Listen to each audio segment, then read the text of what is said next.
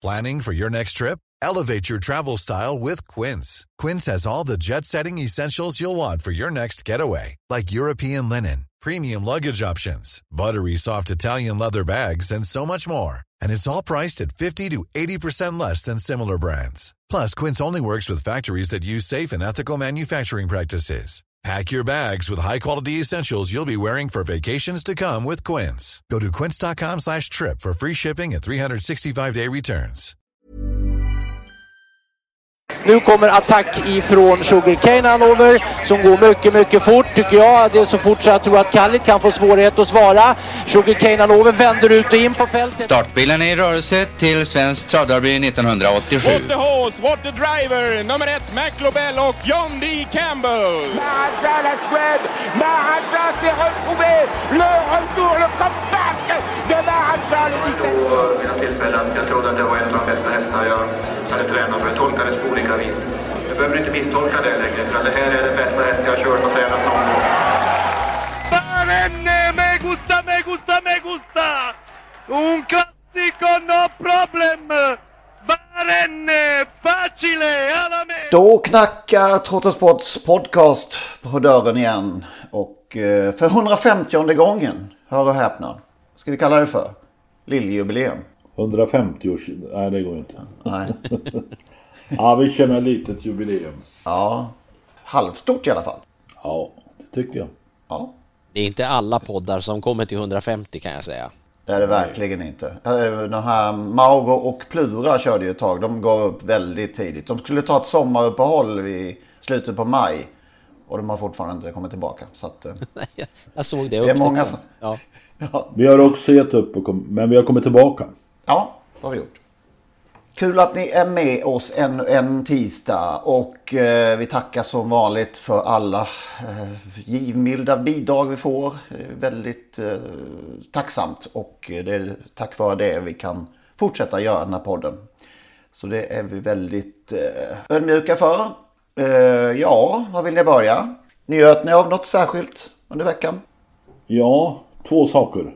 Eh, lördags naturligtvis, Månlycke. Alltså, han ser ut som en engelsk lord i början på 1900-talet. Earlen av Grantham eller sånt där. va. Så elegant i hela sin utstrålning. Eh, hur han rör sig. Eh, Alltså han är ju inte överklass men han rör sig som en överklass. Och så Gunnar, 74-årig Gunnar Melander som... Ja, tusan om han inte är bättre kusk nu än någonsin. Eller också är att han känner sig trygg när han har Månlycke framför sig. Eh, lugnt till dödens där i Norge. Han visste att han skulle städa av dem och så åkte han ifrån när det passade. Visst var det en häftig, elegant resa vi fick vara med om igen. Ja, men det är ju bara åt, återigen att och, och, ehm, säga att bland allt annat elände höll jag på att säga att det är det vackraste den här travvärlden har att skåda faktiskt. På något vis. Hela, hela alltet. Ja. Och sen som, du- som du säger Lennart Gunnar där han har ju jag ska inte säga att det blir synonymt, men Gunnar har ju haft många fina hästar, men nästan jämt när han ska starta, ska starta dem så har man alltid pratat om att bara Gunnar är vaken, bara Gunnar kör i tid och så vidare. Han är ju så oerhört aktiv och uppmärksam, han som huvudet går på som en propeller, är ju ett gammalt uttryck. Han, eh, 74 år gammal, han är ju mer aktiv än de flesta och tittar vad som händer och så där, så han slarvar ju inte bort något. Och som du säger, han är väl trygg med att han har en väldigt bra häst också, men han, han är ju, han gör ju precis, eh, jag tror du skrev det i lördags, alltså han gör allt rätt, som du skrev Lennart. Det är, han, han gör ju inte ett fel. Nej, hästen är en lord, lorden av någonting och Gunnar är hans lakej. Lite den här benämningen leksak som vi hade för några avsnitt sen också. Att man kan eh, göra lite vad man vill med honom. Månlycke. Han löser liksom allt. Det har blivit mycket fixering nu kring det här att, att, han, eh, att Gunnar jobbar med Månlycke hela vägen och även efter mål där så att han inte ska stanna. Det har ju blivit en, det pratar man om i varenda start, i varenda sändning nu, att Gunnar var på honom igen och sådär. Inte för att han är trött eller dålig hästen, utan det är ju att han har, har den här att han stannar av lite och har gjort det någon gång sådär, men jag vet inte, det har blivit mycket snack om det, men jag tycker det verkar det, i grunden rätt så kontrollerat ändå. Inte i, min, eh, inte i mina sändningar. Det, jag, Nej, det har jag inte.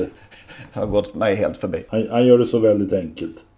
Aldrig någon tvekan någonstans i loppen längre. Jag tittar på, jag tittar på fel sändningar. Jag, jag tittar på de här där de Där de letar dramatik i varenda steg. Ja, men där har du en poäng. Det ska ju letas dramatik överallt. Trängningar som aldrig var nära att vara trängningar och allt vad det kan vara för någonting. Att det, som tittare blir man orolig direkt där. Det blir som att säga, åh, jag fick in en vinnare och sen börjar de prata, ja, hur kom han ut? Och så blir man väldigt orolig där, tänker jag. De som inte riktigt förstår, vad är det de pratar om? Och, ja, men det behöver vi inte prata om nu. Månlycke, fantastiskt roligt att se.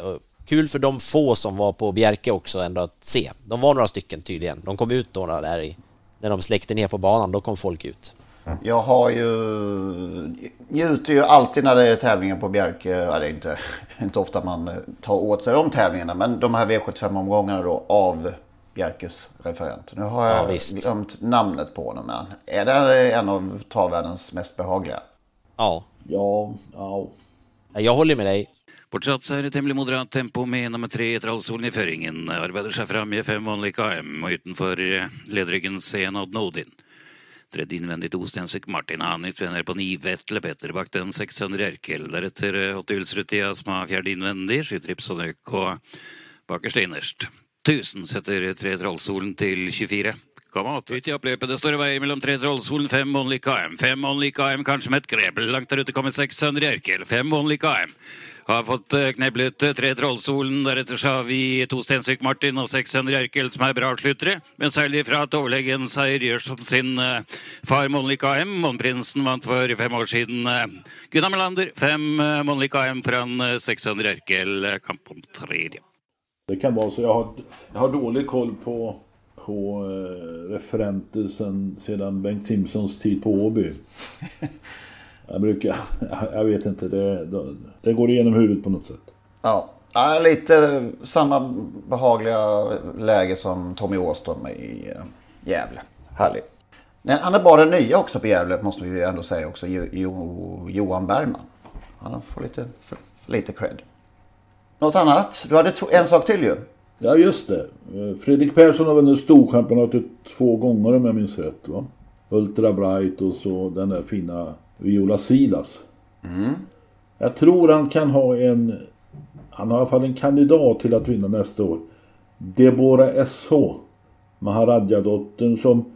Och, alltså, hon har gått mig förbi egentligen. Hon var femma i Oaks. Eh, men eh, ändå har hon inte fastnat. Men nu såg jag henne vinna ett lopp på Jägersro, eller var det Åby, från Dödens. Enorm styrka. Men som sagt, jag hade inte noterat henne innan det här senaste loppet och starten innan vann hon också tittade jag sen. Tittade jag på sen. Ja. Då tändes eh, långdistans storchampionatsögonen i dig. De kan nog passa på långdistans. Hon är stor och rejäl och styrka. Men det är långt det. Det är allt för långt till stor. Det är löjligt att börja prata om storchampionatsvinnare. ja, vi har inte men, börjat prata om Elitloppet än ens. Jag, jag, förlåt? Vi har ju inte ens börjat prata om Elitloppet än. Vi kan inte redan nej, hamna på nej, Storchampionatet. Nej, men... nej, jag tänkte på Fredrik Persson. Han har haft framgångar i det här loppet och kan ju möjligen få en till. Spännande! Ja, jag vet inte. Jag vet inte riktigt det. Um... Jag pratade ju förra veckan om att jag skulle åka till Romme. Jag såg ju fram emot det eftersom Don Fanucci skulle komma. Men vädret blev ju som jag befarade. Det kom ju snö och annat. Det var ganska trist att dra iväg där.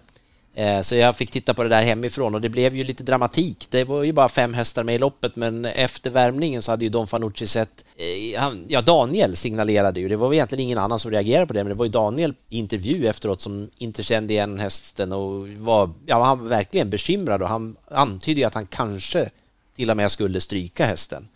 Eh, men hästen kom ju ut i, i defilering och allting och så visade det sig att Eh, det fick vi veta efteråt att det var bettet hade legat fel i värmningen och han hade haft lite problem med munnen och därför inte varit bekväm helt enkelt, hästen. Så att, och just uppträdandet, det var ju det jag skulle komma till, att Don Fanucci, att det var kul att se honom. Det blev ju kanske ett icke-lopp lite ändå, men det gick ju väldigt fort på slutvarvet där. Eh, Clickbait bestämde väl, var det 18 tror jag, första varvet. Eh, men han var ju helt chanslös eh, när Don Fanucci fick fart på benen.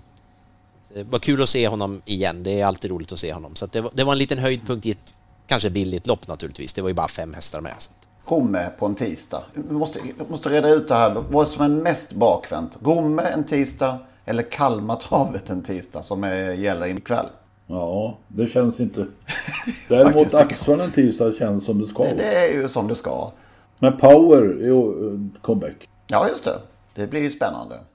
Och sen har vi också fått reda på att Hail Mary, att det inte blir någon start mer i år i alla fall. Nej, precis. Det är, pågår diskussioner, berättade Robert Berg igår, om, eh, med ägarna huruvida det ska bli avel eller inte och eh, hur man då ska förhålla sig till resten också, förutsätter jag. Ja, det var ett miss... Alltså när vi, vi trodde kanske att han skulle vinna Elitloppet här året och det blev pannkaka alltihopa. Ja. Och vi har varit inne på honom flera gånger att det har inte sett bra ut en enda gång ju. Om man ska vara helt ärlig. Så man är inte förvånad om det inte blir någon mer start. Nej, och han var behandlad ska jag säga. Det berättade ju Berg också att hästen är behandlad och just nu vilar han. Mm. Ja, vi får se om vi får se honom igen. Det är ju tråkigt om det, att, om det skulle sluta så. Men vi får se. Sen är ju Tetrik Vanja då såld. Eh, som vi spekulerade i. Eller vi, vi pratade ju om prislappen i alla fall förra veckan. Den eventuella. Ja, det var ju på Twitter hon skrev där att tre, 30 miljoner kronor ungefär va? Vad heter det? 300 000? Nej, 3 miljoner euro. Just det. Det blir 30 miljoner. Ja. Eh, så dök det upp den här tyskan och men kanske att hon inte fick 30 men om hon ville ha 30 så lär väl hon inte gått under 20, 25 kanske. Det är sannolikt den dyraste svenskfödda häst som någonsin har sålts. Eh, I alla fall som tvååring. Ja, finskfödda men svenskfödda ska man säga då kanske. Så det är ju en jätteaffär. Litet vågspel såklart. Ja, det beror ju på hur mycket pengar man har tror jag. Det har du rätt Det är en poäng. För mig en hundring på en häst ett vågspel. För ja, den här madammen så kanske 30-25 miljoner inte har något med Nej. vågspel att göra. Nej, det, det... Men jag vet flera svenskar som har, har varit ute i samma ärende. Mm -hmm. Bland annat ägarna till EQID där har varit uh, försökt att sy ihop en affär där med flera inblandade. Okej, okay. och vad, eh, vad, vilken belopp fick de ge sig? Vet du det? Nej, jag vet inte om de gav sig eller om de aldrig fick, fick till den där eller sy ihop något konsortium som kunde köpa den. Det vet jag inte. Ah, okay. Men eh, det fanns intresse. Mm. Jag, jag, jag, var inne, eller jag funderade faktiskt på det eh, här i helgen. Det slog mig bara det att jag, jag kan inte, och nu har jag faktiskt tittat också i resultatlistor och annat. Vi har aldrig under ett och samma år haft tre sådana fenomen i, årgångs, i, i årgångarna så att säga två, en tvååring som alla pratar om samtidigt som vi har en treåring som väldigt många pratar om i alla fall och Calgary Games som ju också är det är tre fenomen vill jag nog påstå och det har vi aldrig haft på ett och samma år. Det är ett väl, två av dem då skulle ha sålts för tvåsiffriga belopp i miljon kronor, alltså 20 miljoner eller vad vi nu hamnar på Calgary Games då och eh, Tetrik Vanja. Ja, det är en snygg spaning. Ändå utlämnar du nu, eh, utlämnar nu Önas Prins som också är ett fenomen. Ja, ja det, det, dessutom finns det konkurrens. Vi såg det på Calgary Games att det såldes en beteckningsrätt för en styv miljon eh, på auktionen häromdagen. Va? En miljon för en beteckningsrätt. Och hur många beteckningsrätter kan man sälja en avelshingst? Eh, jag vet inte, jag kan inte sånt där. Men säg att de säljer 80 beteckningsrätter. Då är det 80 miljoner helt plötsligt. 60, då är det 60 miljoner. Ja, jo, men beteckningsrätter, hur många, hur, hur många beteckningsrätter säljs det när man delar upp hingstar i USA? Jag kan inte det, men... Nej. Men låt säga 60, då är 60 miljoner, 80, 80 miljoner och det visar ju lite att den som investerar i en sån beteckningsrätt eh, sätter ju på något sätt eh, ett, en prislapp på hingsten. För att... Eh, ett vågspel? Beteckning, ja, det är naturligtvis ett vågspel. Men, eh, beteckningsrätten innebär ju inte några inkomster tror jag om hästen tävlar och springer in ett antal miljoner utan det är bara att man får betäcka. Men det tyder väl också när de säljer beteckningsrätter att man mer eller mindre har bestämt sig för att aveln är, är Calgary Games främsta uppgift. För man kan ju inte sälja en beteckningsrätt och, och säga att efter eh, nästa års beteckningar så ska han tävla i tre år utan att avla. Ja. det blir nog inte någon uh, längre karriär i alla fall. Så kan man nog säga. Ja, nej, jag har ju hela tiden varit rädd, rädd för att vi inte kommer att få se honom något mer. Jag, jag, nej, jag, jag är ju rädd för det. Jag tror ju att den här affären mer signalerade det än att, att det blir mer tävlande. Men eh, jag har helt, eller hemskt gärna fel, såklart. Mm. Lite spännande ändå att nya ägaren till Tetrik Vanja lät finskan både fortsätta träna hästen och köra honom i uppföljningsslutning. När vi kommer till våren får vi väl se. Hon kanske vill att den ska pulsas nu i Finland under vintern. Man får ju komma ihåg en sak att, att hon är ju trots allt den enda kusken som har vunnit med hästen. Örjan har ju haft ja. två chanser och torskat båda gångerna så att... Ja. Det var helt klokt val menar du med det? Ja, vi återkommer till uppfödningslöpningen lite senare. Eh, vi har ju haft två lite större lopp i Europa va? Price der Giganten i Volvega och sen kommunloppet i Monte Giorgio i söndags. Ja, det var ju eländigt att se det här Price der Giganten där eh, upploppsduellen där, eh, där kuskarna tävlade vem som kunde driva hårdast. Robin Backer och Gocciadoro. Eh, alltså, jag trodde på något sätt att, att vi hade kommit ifrån det där i Europa. I alla fall i mindre skala. Men eh, Mr F. Dagde och vernissage, vernissageskrift. De fick verkligen veta att de levde. Ja. Ja, det är ju bara att konstatera att um, finns det saker att tulla på liksom, och tänja på så gör, gör de aktiva det. Lite, det är lite grann ett bevis för det. Så det är nog våra drivningsreglement är ändå vettigt att, att vi har dem. Ja, det blir hem... Alltså jag såg en ännu värre sak. Jag fick ett tips om ett lopp. Att titta på i Grains eh, i Frankrike alltså. Där, det var ett tvåårslopp. Mm. Där Joker Madrid ledde och kördes av Joan Le Bourgois. Alltså han drev fullständigt galet i ja, 1200 meter. Alltså det var tvååring jag ber er observera detta. Fullständigt, precis som han var ute i ett jävla raggarslagsmål och slogs med, slogs med knytnävar och cykelkedjor. Han bara panga på alltså. Alltså nej, det är, man mår ju fysiskt dåligt. Det var den, denne kusk som några veckor tidigare blev misshandlad utanför sitt hem. Eh, jag vet inte om det hade något samband men att se honom där i, i det här loppet. Det, jag kan nog säga att det var det jävligaste jag sett om jag uttrycker mig så. Just som du säger också en, en häst som är ute för att lära sig mer. Nej, jag, jag, precis när du säger det så känner jag att jag vill eh, jag ska inte be om ursäkt, men jag, jag skäms lite för att jag pratade om när, när Åke Svanstedt hade eh, han, han drev ju eh, lite, vi diskuterade det.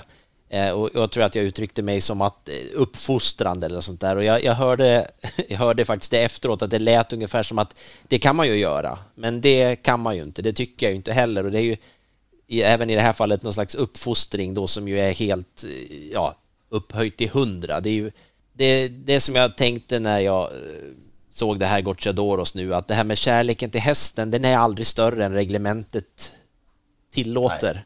Det, det, är liksom det som styr allt det här snacket om att vi tycker, och det är, de flesta tycker ju om hästarna, det är inte så, men det är lite dystert liksom. Och Gocciador, jag har lärt mig, jag ska lära mig och sen, det spelar liksom ingen roll. Är det dollartecken framme vid mållinjen där och jag får slå min häst, så då gör jag det bara för att få de här dollartecknen. Och det... Nej, det är deppigt, verkligen. Sen var det kommunloppet där ja. Gocciador då fick revansch, eller vad man ska säga, för förlusten då i giganten i Volvega. Eh, här vann han då med den gamle Global Trustworthy. Derby trean var han va? Som ju var på väg mot seger när han eh, taktade ur där i derbyt. Mot, eh, mot Cyberlane var det väl. Här fick han vinna i härliga Monte Giorgio. Hur gick det för Lugauer? Han eh, vann ju försöket med Nightbody och sen var han blek i finalen. Ingen lycka där. Såg också, kan meddelas, på tal om Italien, att Ben Gurion Jet eh, efter Åby Stora floppen, jag vet inte om man ska kalla det för det riktigt, men han var ju inte med i leken där i alla fall. Har nu två raka segrar i, i oktober. Båda i Rom. Då ska jag spela igen till Elitloppet va? Var det inte så? Ja, exakt. Du kan, nu kan du haka på igen. Ja. Och sen blev jag lite provocerad av en artikel här med Mariana Alavicola det var ju Josefin Johansson som gjorde veckans helgintervju då som hon ju alltid har med just Mariana. Där hon eh, uttalade sig om många saker. Om vad som hade varit bra, vad som hade varit dåligt och chocken med Porpalchen och allt vad det var. Eh, sen var det då, reagerade på det här. Mariana Alavicola förtydligar att förbundet Svensk Travsport alltid bär ansvaret för att antidopingarbetet ska fungera Samtidigt uppmanar hon aktiva att anmäla vad de, vad de ser. Ser man något som, in, som inte är enligt reglerna, alltifrån att en häst får illa eller otillåten medicinering, då måste man agera. Förbundet måste få den informationen så att man kan göra riktade åtgärder. Ja. Det låter som hon inte har fått någon sån information. Ja. Som le lever sitt liv i och kring Halmstadtravet. Ja, hon bor mitt i lejonets kula. eller vad man ska kalla det för. Han undrar ju om hon inte har tagit del av någon information själv under den här tiden. Allt annat vore ytterst märkligt. Mm. Ja, det är ju i alla fall inte bra om det är så att, att hon i den ställning hon har inte nås av den information som väl i alla fall har nått förhoppningsvis andra inom ST. Eh, mm. Hon bör väl vara informerad, tänker jag, annars är det ju illa. Närmaste granne är hon ju i princip med en väldigt nu aktuell tränare. Ja, de kanske tänkte på SD att, att vi behöver inte berätta det för hon vet det redan kanske. Ja, just det. ja, det var märkligt.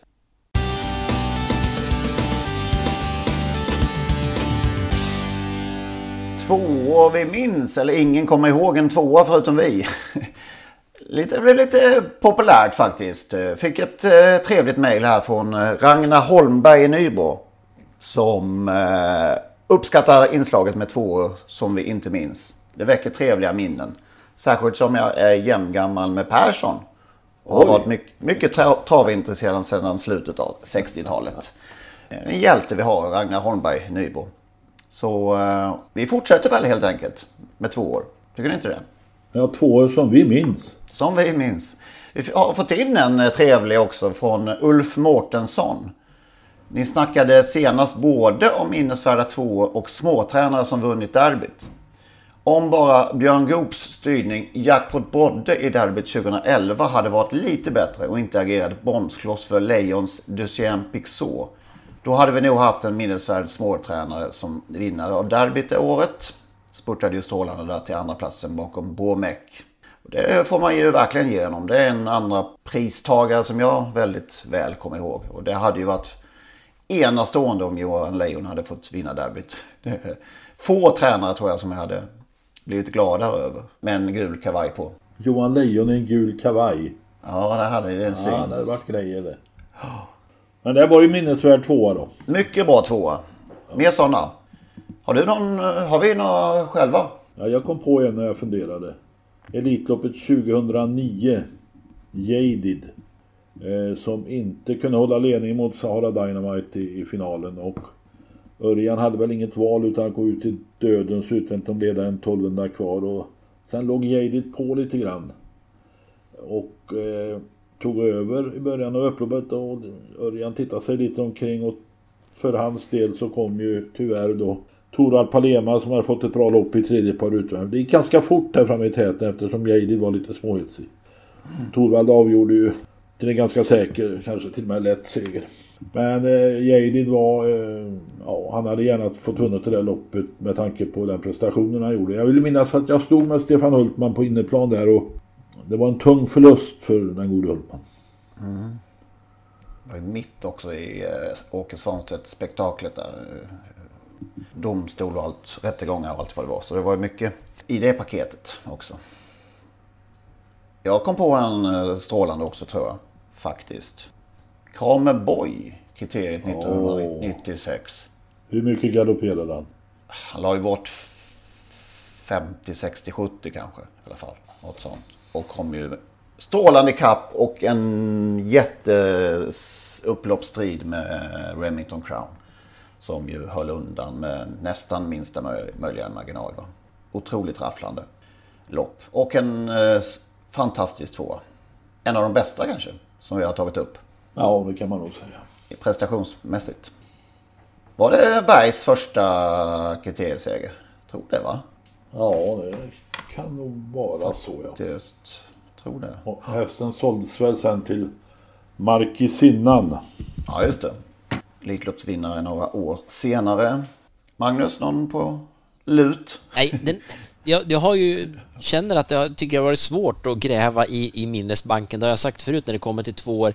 En tvåa som man ju minns och som, som ju eh, jag har tänkt efter lite grann, det, man pratar ju, alltså Olympiatravet 2000, det var, var ju Varen. Men samtidigt så tvåa där General Dupomot, alltså utan General Dupomot hade ju det där loppet inte blivit det det blev heller. Hela Åby skrek ju liksom. Och jag minns ju speciellt en som hörs i publiken på den här filmen jag har att Kom igen fyran är det en som ropar det är ju, det är ju Varenne han menar men Kom igen fyran hör man det, det känns så skönt. Ett av de vassaste lopp vi har sett och så vidare. Som är... Världens bästa häst genom alla tider Re reduceras till fyra. Ja.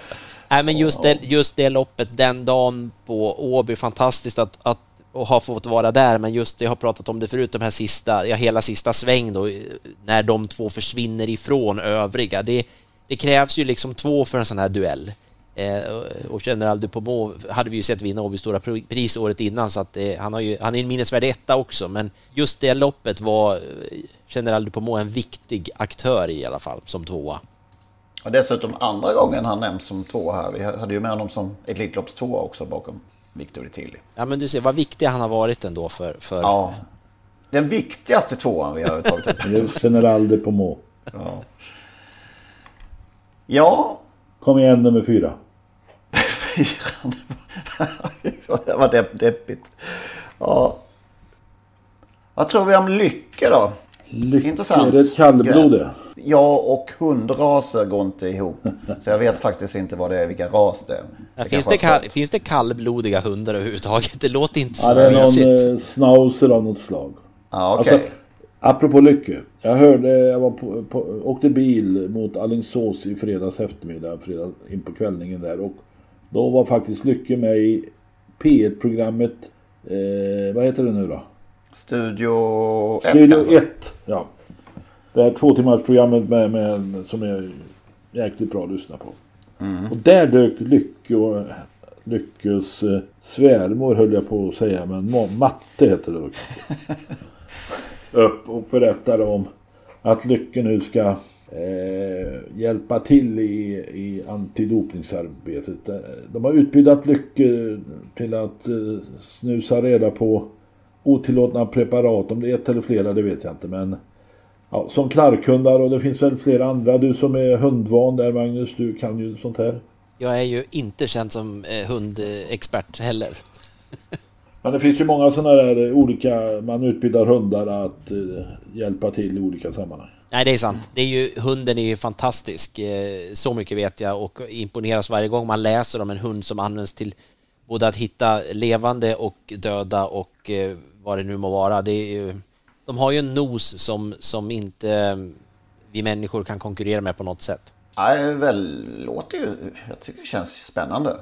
Ja, jag också. Jag tycker, eh, jag tycker det är värt allt beröm, både hur man har faktiskt också lyckats sprida det medialt men också som, som initiativ. Alla tycker ju dock inte att det är, är lika kul verkar det som. Ja, jag läste någonting där. Solvallas ordförande försökte ironisera och det kan man väl hålla på med. Men i hans ställning kan man väl låta bli det.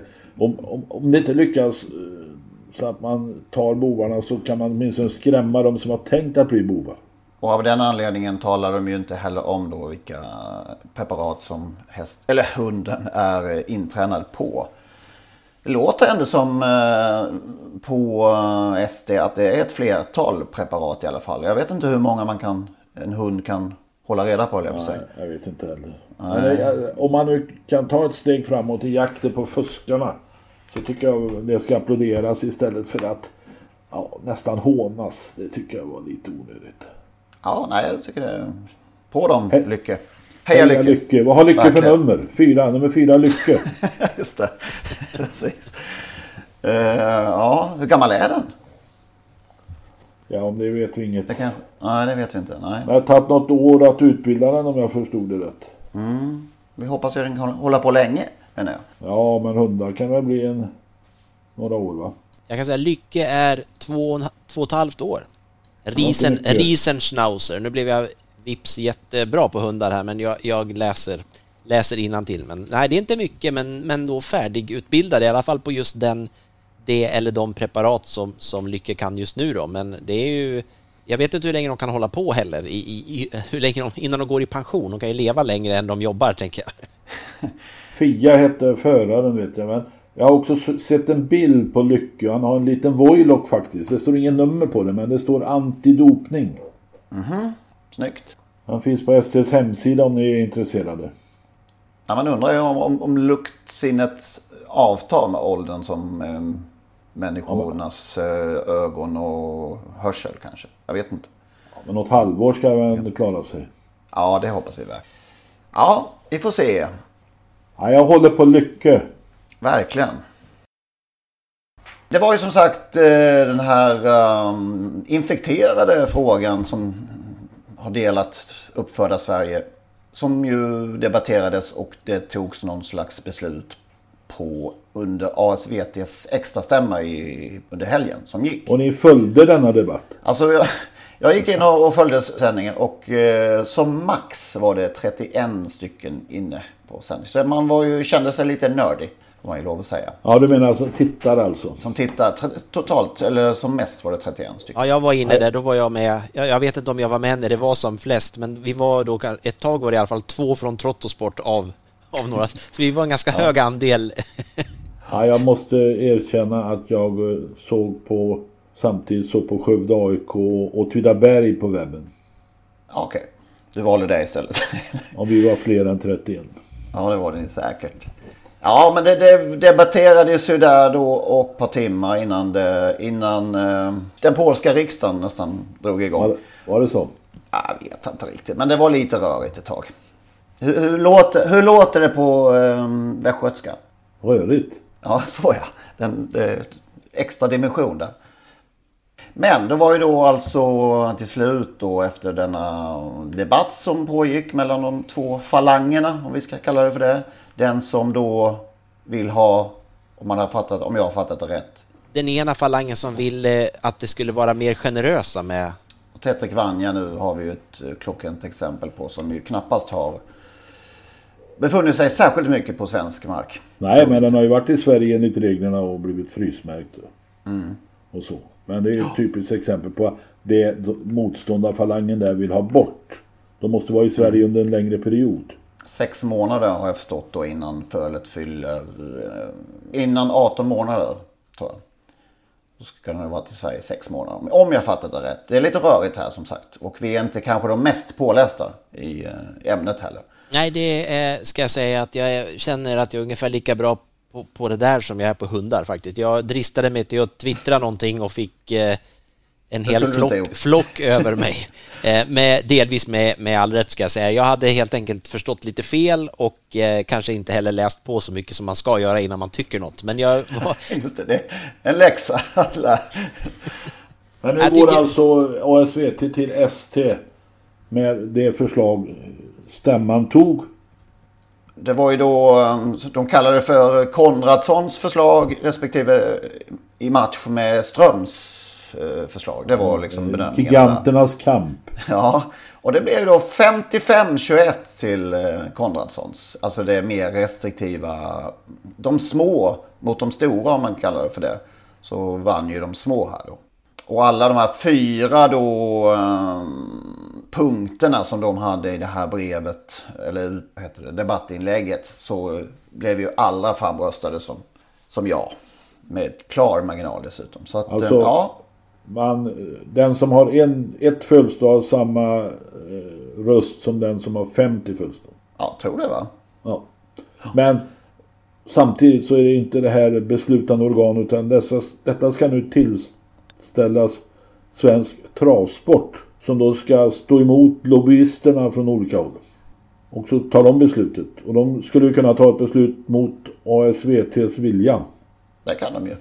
Mm. Absolut. Det borde väl komma ett ganska snabbt beslut. De vill väl få det här liksom... det var ju rörigt som sagt och det var ju roligt men det, det, är ju bara en sån sak som att det visar ju sig då att ordföranden för mötet var ju färgblind och man skulle ju rösta med färgade lappar och han höll upp vid, de röstar på rött och då höll han upp en rosa lapp och sen sa han och ni röstar alltså grönt. Och höll han upp en blå lapp. Så det var, det var, det var inte lätt eh, eh, på många sätt där var dessutom en eh, som utbrast mitt när det var lite eldigt där att nej, nu ger jag upp. Jag går hem. Jag skiter i det här nu. Heja fyran! Ja, jag vet inte vem det var. Eh, ja, det måste vi ta reda på vem det var. Ja, alltså. vem, vem var det som utbrast detta? Maila in till podcast.trottosport.gmail.com Ja, precis. Och gick personen hem? Ja. Och det är oklart också vilken falang det var. ja, det kanske var... Det spelade ingen roll. Jag på de mindre. Ja, men det ingen var de ändå, större de hade ju ändå lite medvind där i det läget så jag fattar inte riktigt. Ja, ja, ja. Kanske var en större. Det var inte Colgjini. Nej, det var det inte.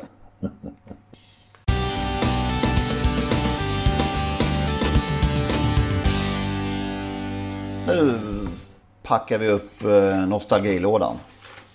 Eller öppna upp den. Öppna den. Öppna den. Ja, packa upp blir ju... Packa, ja.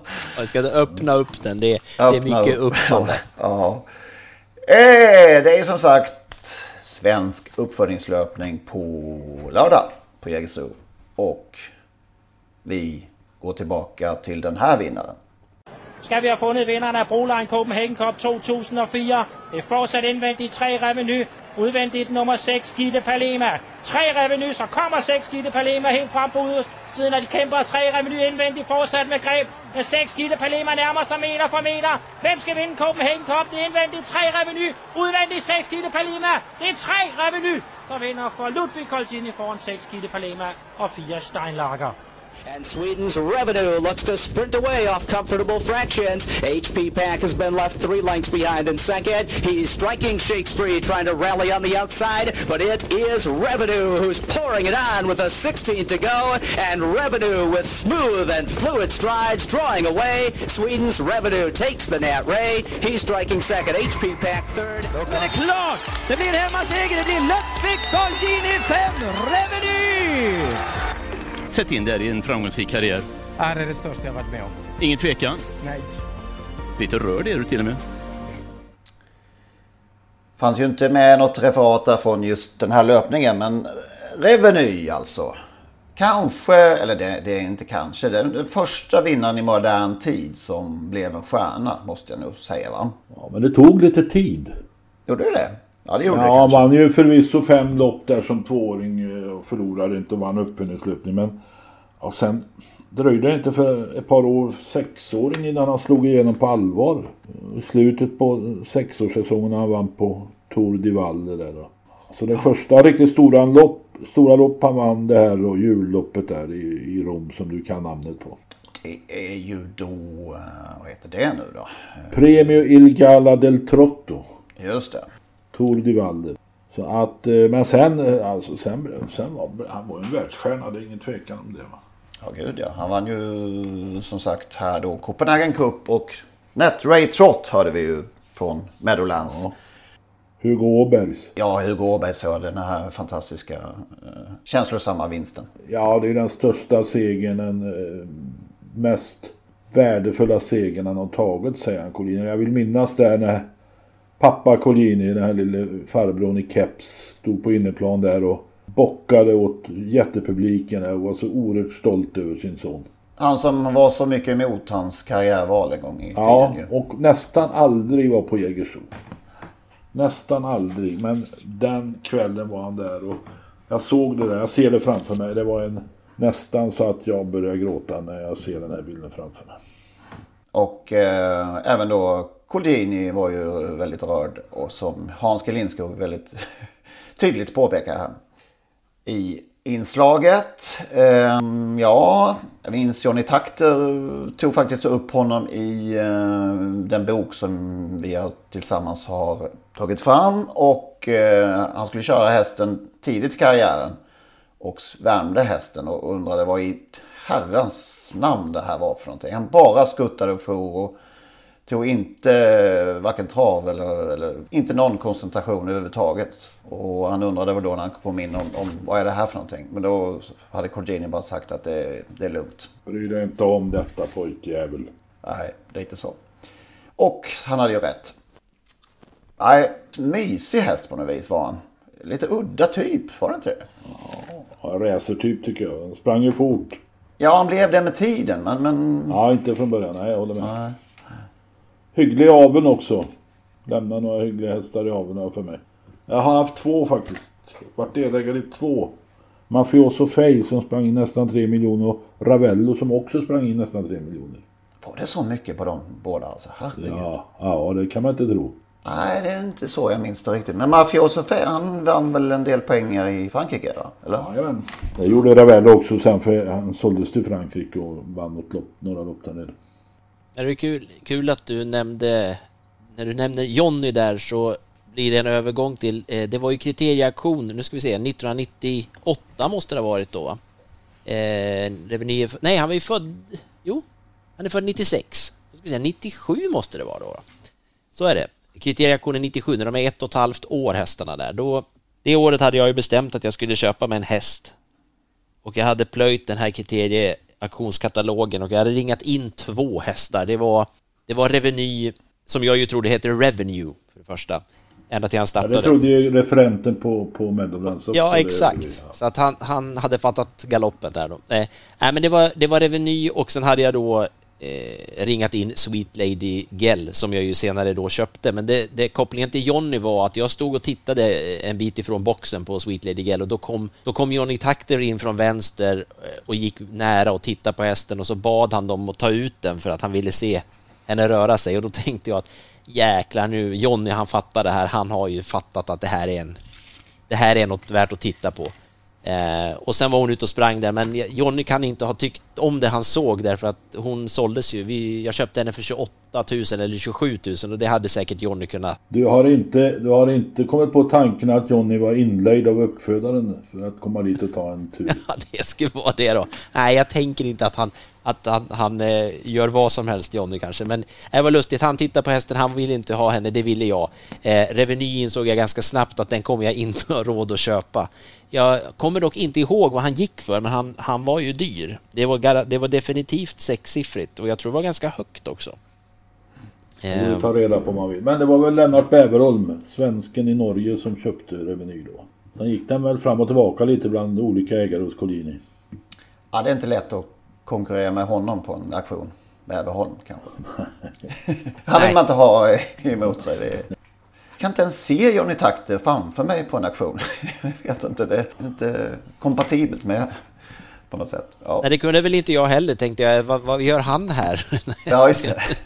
han var ju ja. ombud för säljaren. Ja. Jag tänk, tänkte just sista säsongen han gjorde där, eh, Reveny, jag var tvungen att kom, titta på det som du säger Lennart, att han ju mot slutet som det blev, eller senare i delen av sin karriär, blev så bra som han var. Men alltså som, som åttaåring där, han, han gjorde 17 starter, vann 11 lopp och sprang in 5 miljoner, bland annat då det här Net Trot. En otrolig avslutning. Han sprang väl in, vad var det? 16, vad sa vi det? 16 miljoner, nästan 17 till och med. Men ja, late bloomer va, brukar man säga. Även i och för sig, han var ju så bra som tvååring, det sa vi också. Men det var en häftig häst, det var ju en profil. Tveklöst så. Verkligen. Jag kom ju in i travet som sagt, det har vi pratat om många gånger. Ungefär samtidigt som du Magnus, i mitten på 80-talet eller början.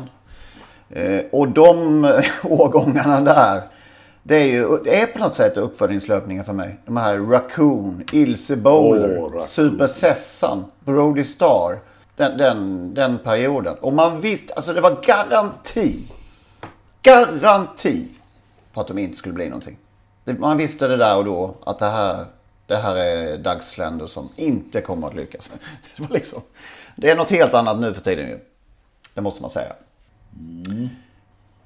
Vem vinner då på lördag? På lördag? Det är kanske är en ingen fråga att ens behöva ställa. Ja, det är klart att uh, den kan göra bort sig. Så, så är det Så är det bara. Men det är klart att uh, om den sköter sig så vem ska kunna slå den då? Tetrik Vanja. Vanja.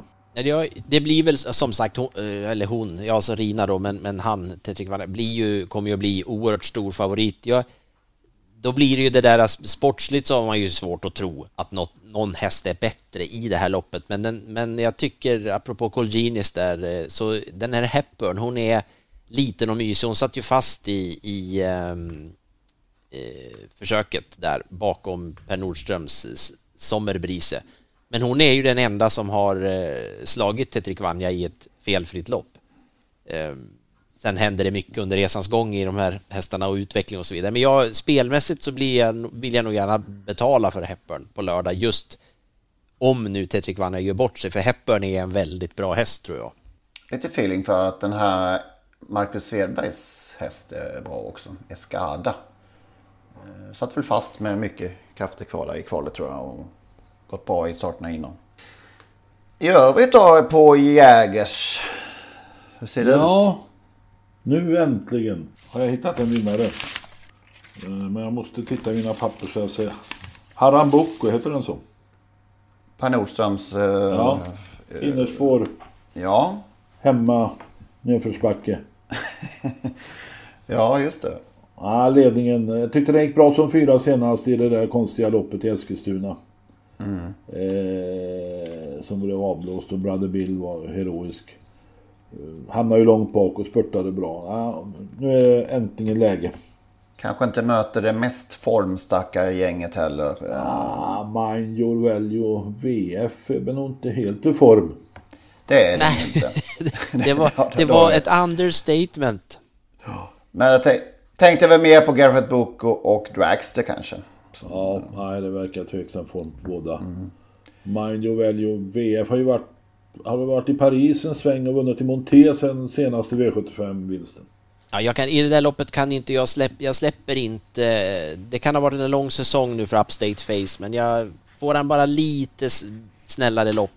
Jag tycker han har varit så bra i år och som vi säger, bortsett då från kanske då Harambuco och Mind Your Value, Value VF så är ju inte loppet speciellt Men högklassigt. Upstate Face kommer ju bara att köra mot Garrett Boko så det, blir, det kan ju bli lite lurigt det där. Ja, det är mycket att hålla reda på i dessa dagar. Ja, det, får, det blir för svårt det här med trav. Jag börjar med Big Nine istället. Ja. I övrigt?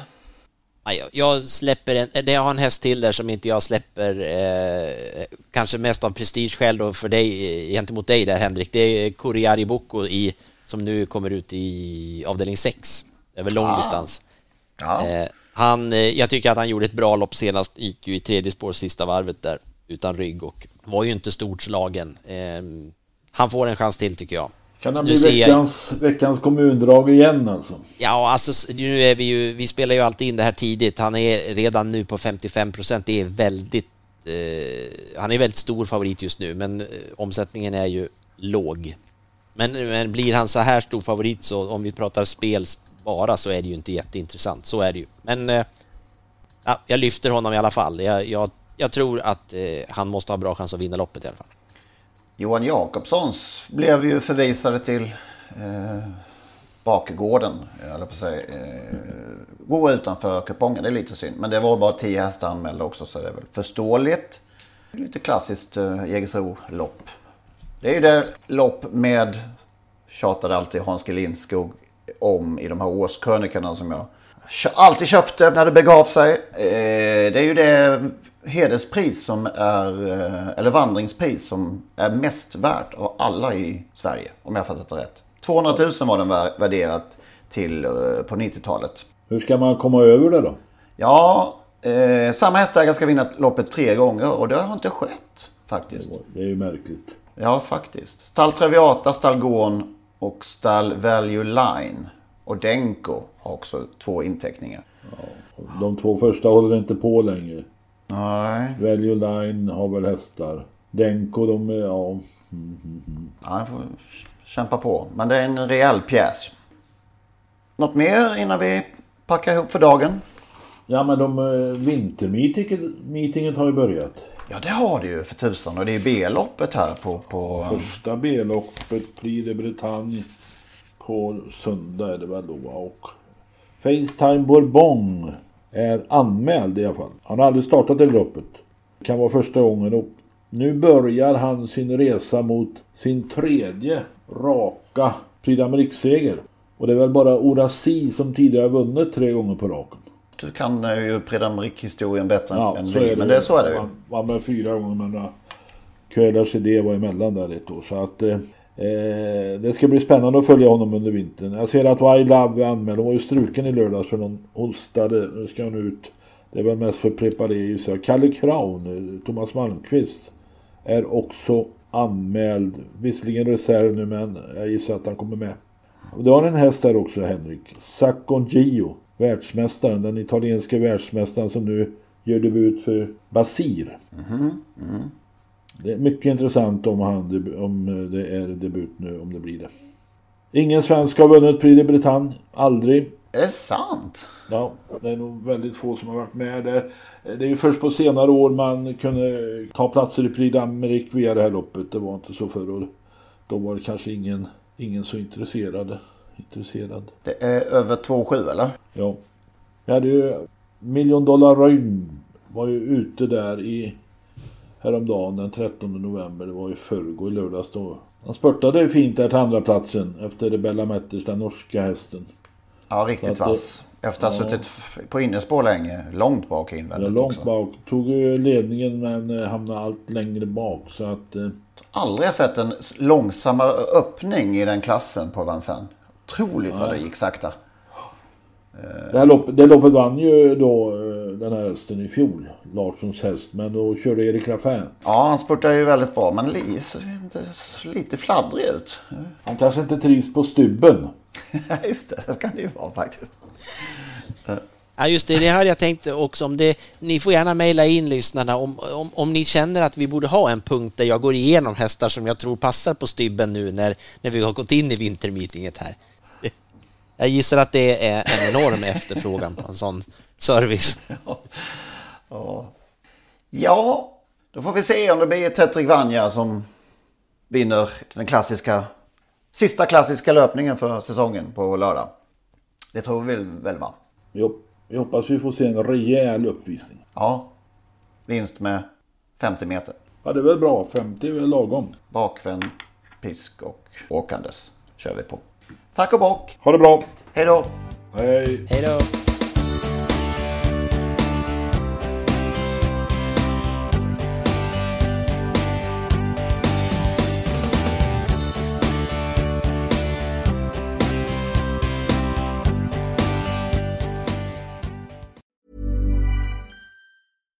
When you make decisions for your company, you look for the no brainers. And if you have a lot of mailing to do, stamps.com is the ultimate no brainer. It streamlines your processes to make your business more efficient, which makes you less busy. Mail checks, invoices, legal documents, and everything you need to keep your business running with stamps.com. Seamlessly connect with every major marketplace and shopping cart. Schedule package pickups and see your cheapest and fastest shipping options from different carriers with rates up to 89% off USPS and UPS rates. And with the stamps.com mobile app, you can take care of mailing and shipping wherever you are. Make the same no-brainer decision as over 1 million other businesses with stamps.com. Sign up with code program for a 4-week trial plus free postage and a free digital scale. No long-term commitments or contracts. That's stamps.com. Code program.